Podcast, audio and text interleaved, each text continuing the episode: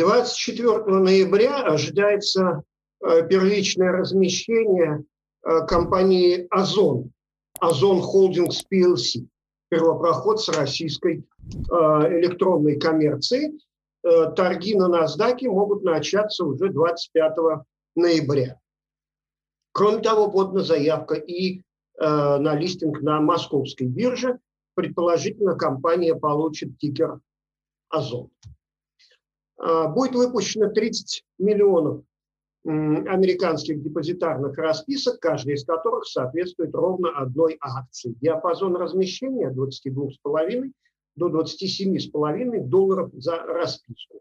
В общей сложности компания надеется привлечь сумму в среднем составляющую около 75 миллионов э, долларов, хотя если мы с вами следим за новостями, то видели сообщение о том, что Э, спрос уже превышает и 800, которые получили андеррайтеры в виде заявок.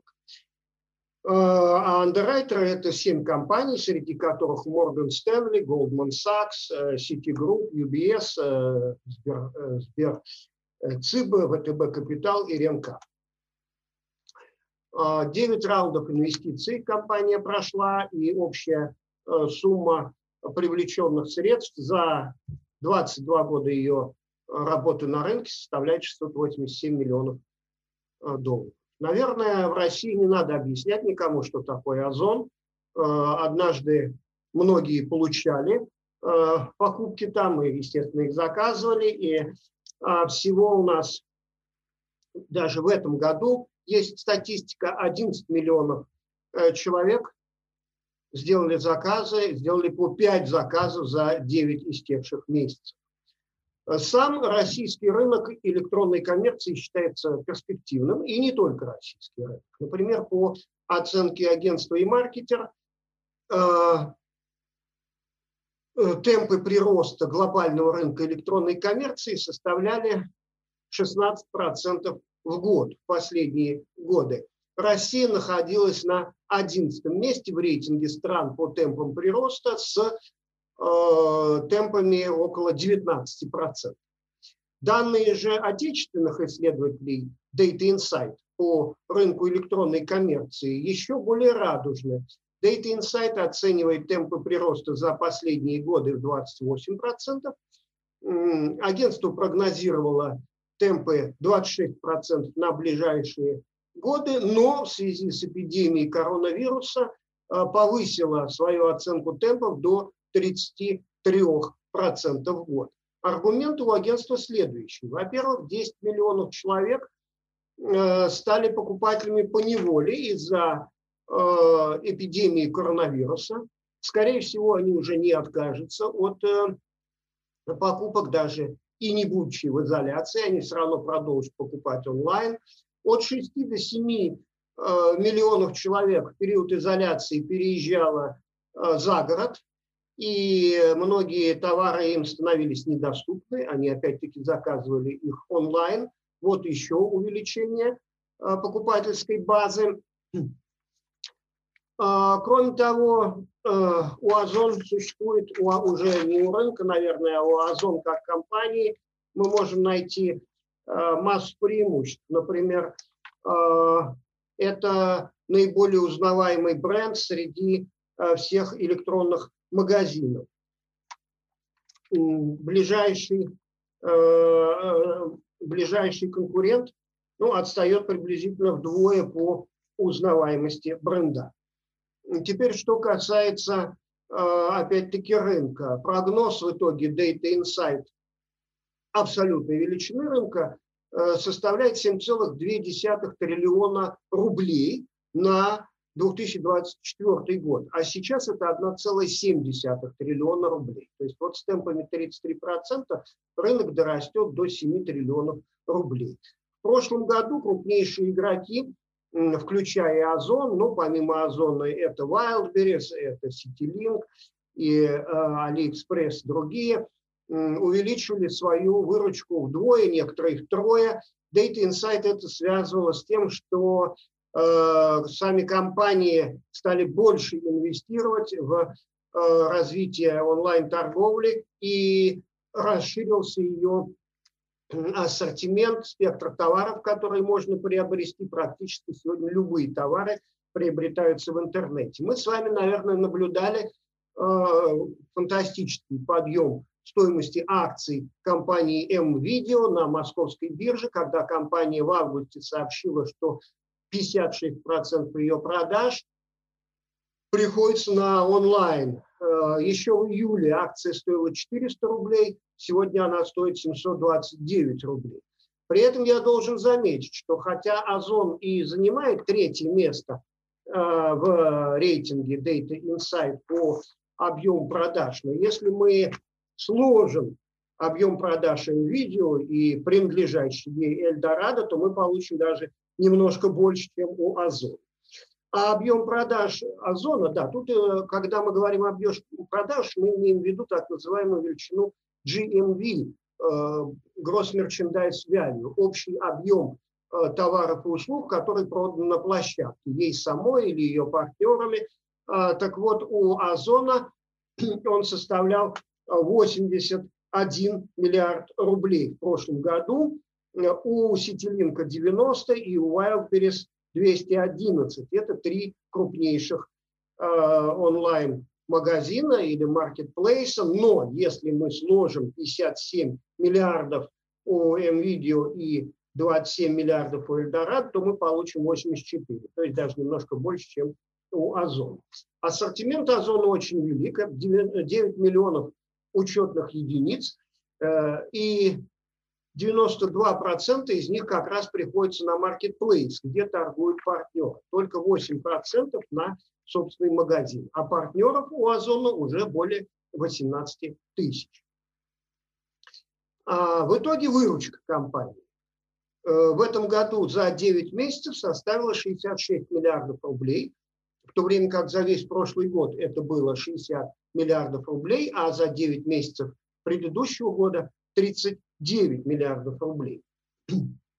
То есть мы видим э, более чем удвоение выручки, наверное, по итогам этого года. Мы по итогам этого года прогнозируем 88 миллиардов рублей выручки Озона и э, тоже очень быстрое увеличение GMV.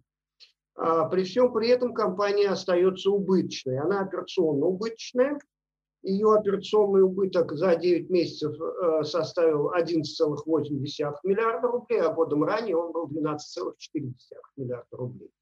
Чистый убыток составляет сейчас 12,9 миллиарда рублей. Год назад было 13 миллиардов рублей. Надо сказать, что компания практически всю свою 22-летнюю историю приносила убытки.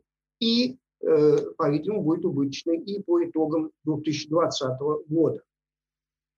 Совокупные операционные расходы за 9 месяцев этого года 78 миллиардов рублей, они выросли на 50% с расходами прошлого года.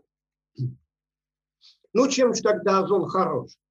Хорош он, во-первых, тем, что он, конечно, занимает ну, третье место, может быть, по обороту среди российских э, магазинов э, онлайн. Это самый узнаваемый бренд – а если э, измерять в количестве заказов, то Озон будет на втором месте, уступая только Wildberries.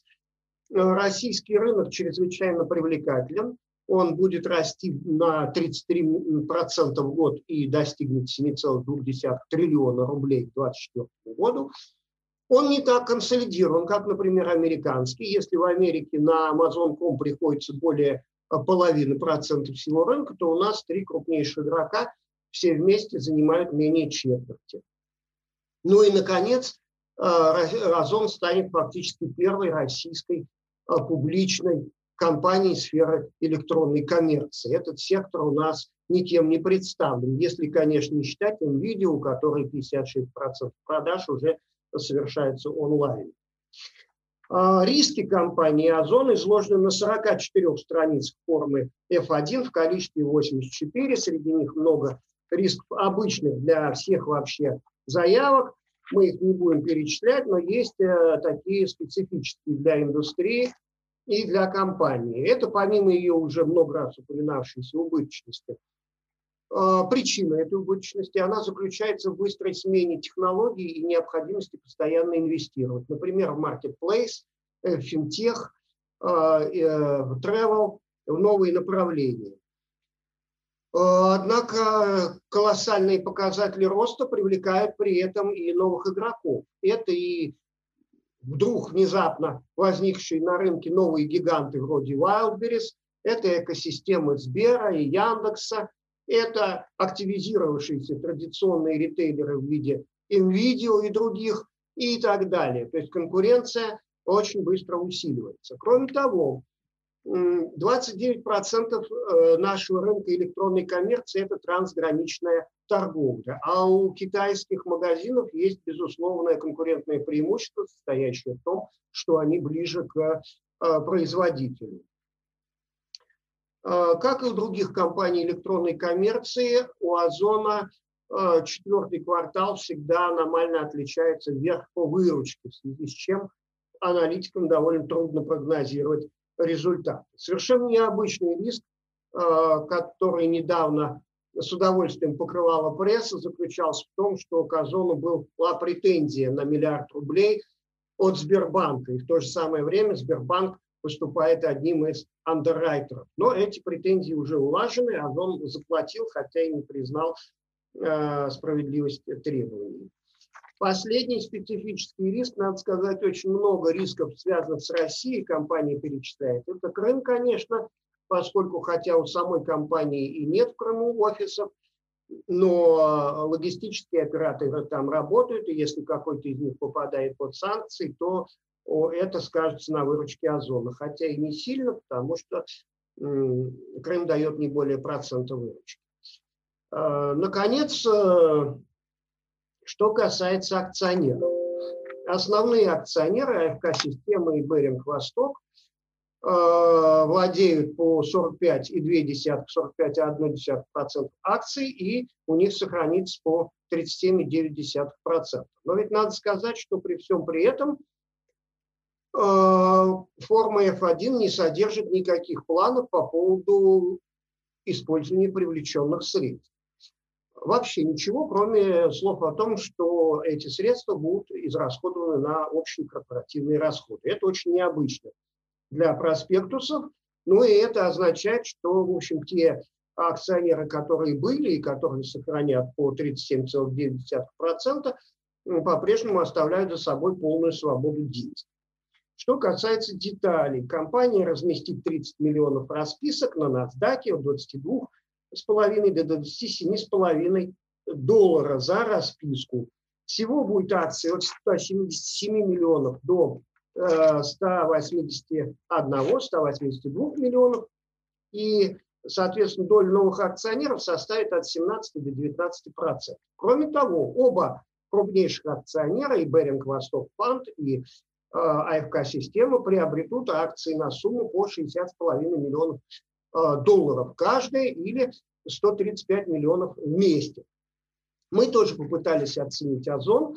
Мы оценили компанию по э, мультипликатору к GMV и получили оценку 4,5 миллиарда долларов, если мы с вами оценим как результаты прошлого года по GMV, так и прогнозируемый нами 190 э, с лишним миллиардов рублей выручки, 194 миллиарда рублей выручки на этот год.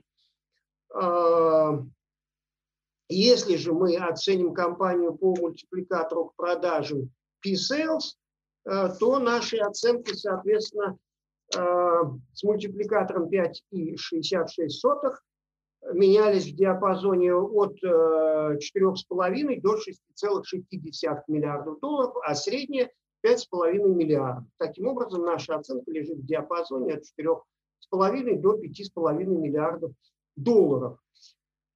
Мы думаем, что IPO будет достаточно успешным, потому что, во-первых, сейчас бум IPO на американских биржах, э, инвесторы с удовольствием продолжают вкладываться в новые компании, потому что это компания на быстрорастущем российском рынке электронной коммерции является одним из лидеров и единственной фактически публичной компанией этого сектора. У компании топовые андеррайтеры в виде Morgan Stanley, Goldman Sachs и других. И э, Размещение очень широко обсуждается в прессе, обсуждается благожелательно, поэтому мы думаем, что э, компания разместится по верхней э, цене диапазона. А в ближайшие три месяца акции могут вырасти в цене еще на 20-25%. Итак, 24 э, числа должно состояться IPO компании Озон Holdings PLC, первопроходца российского рынка электронной коммерции.